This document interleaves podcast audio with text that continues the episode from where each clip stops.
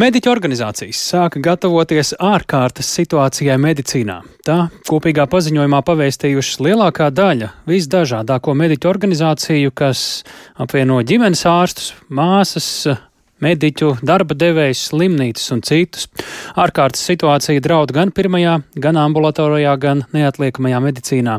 Mediķa situāciju Latvijas veselības aprūpē sauc par dramatisku un brīdina par smagām sekām. Iemesls - nepietiekams valsts finansējums. Par to informēta gan Eiropas komisija, Eiropas ārstu pastāvīgā komiteja, Eiropas medicīnas speciālistu apvienība, protams, arī saimnes deputāti, valsts prezidents, tiesības sargs. Smagā krīze iestāšoties vēlākais vasarā. Pie mūsu klausos šobrīd Latvijas ārstu biedrības prezidenta Ilze Aizsilniece. Labdien!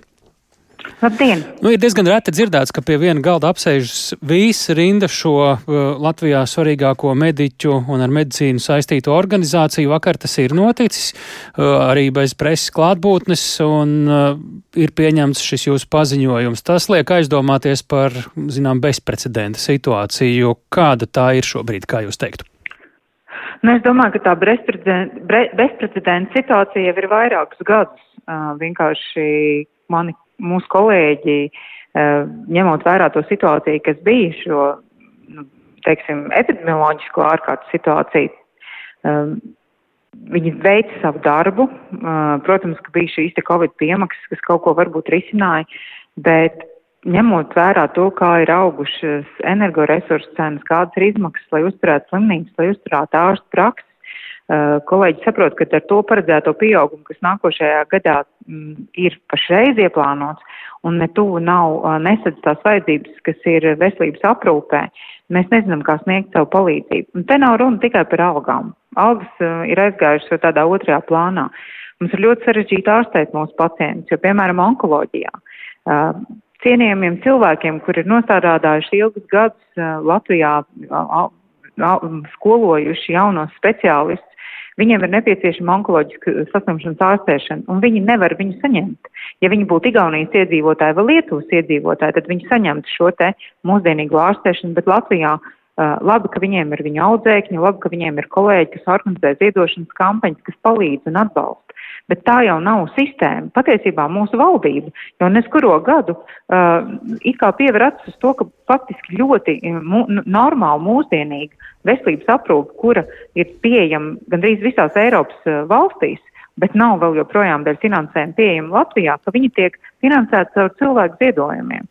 Es, es domāju, ka tas jau ir nepieņemami. Labi. Uh, vēl, Runājot par, nav, par augām, uh, ja runājam par augām, te ir runa par jauniem ārstiem. Uh, Latvijas jauno ārstu asociācija apkopoja to, cik tad ir minimālās ārsta speciālistu minimālā algas mēneša likuma Latvijā. Latvijā ir tie 1555 rezidenti.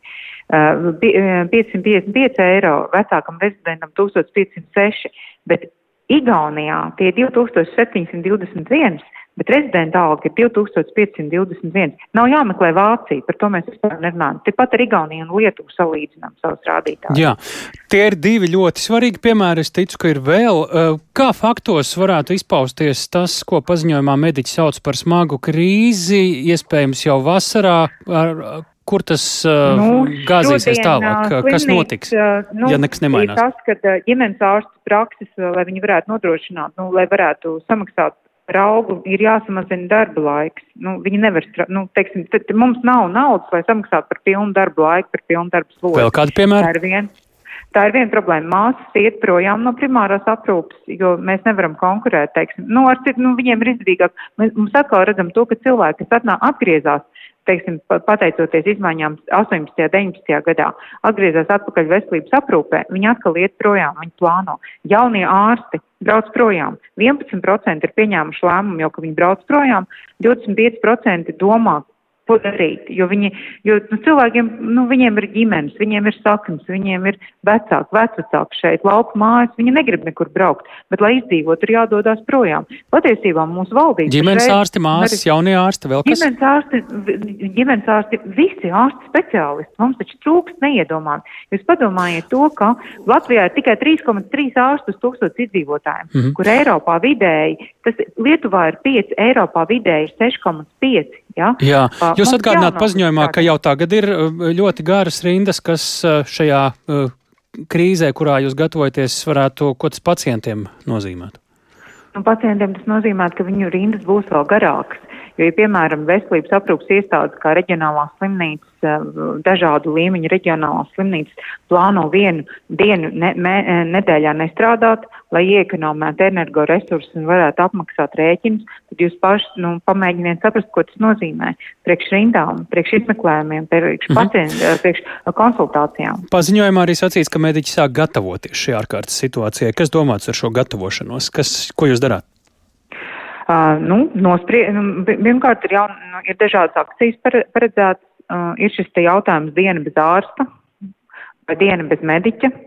Uh, mēs arī domājam, nu, jau sākam domāt par to, ka ir jāplāno nopietni streika un protesta akcijas. Un šoreiz arī visi kopā. Šobrīd uz ko un ko šādā situācijā aicināt? Kas ir tās darbības? Jo mēs zinām, rīt valdība apstiprina visticamāk budžetu galīgajā lasījumā, un uh, tur, acīm redzot, ja reiz jūs šādi rakstāt, nav paredzēts tas finansējums, kas ir vajadzīgs, lai nebūtu tās situācijas, kur jūs raksturojāt. Uz ko jūs tad aicināt tieši un ko?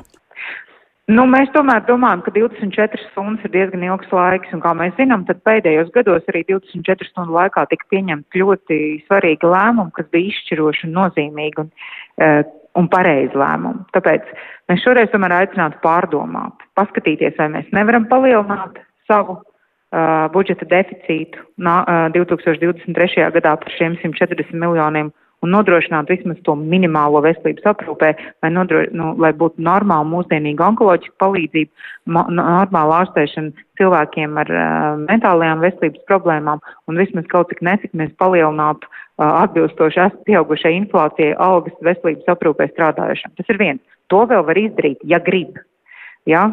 Kā kolēģis profesors Boks teikt, Jā. ka viens ir gribēt, otrs ir ne, ne, to otru vēl, ja ir. Un vēl, Otra vēl ir, šī gadā tomēr būs arī budžeta grozījumi, un mums ir jāpiefiksē, kas tad ir veselības aprūpē vajadzīgs, un jāparedz, kā, ja ne, ne no aprīļa, tad ar budžetu, tad, kad ir budžeta izmaiņas, uh, ir papildus ieņēmumu budžetā, ka tā nauda tomēr tiek novirzīta veselības aprūpē, jo veselības aprūpe ir brūkoša pašreiz Latvijā.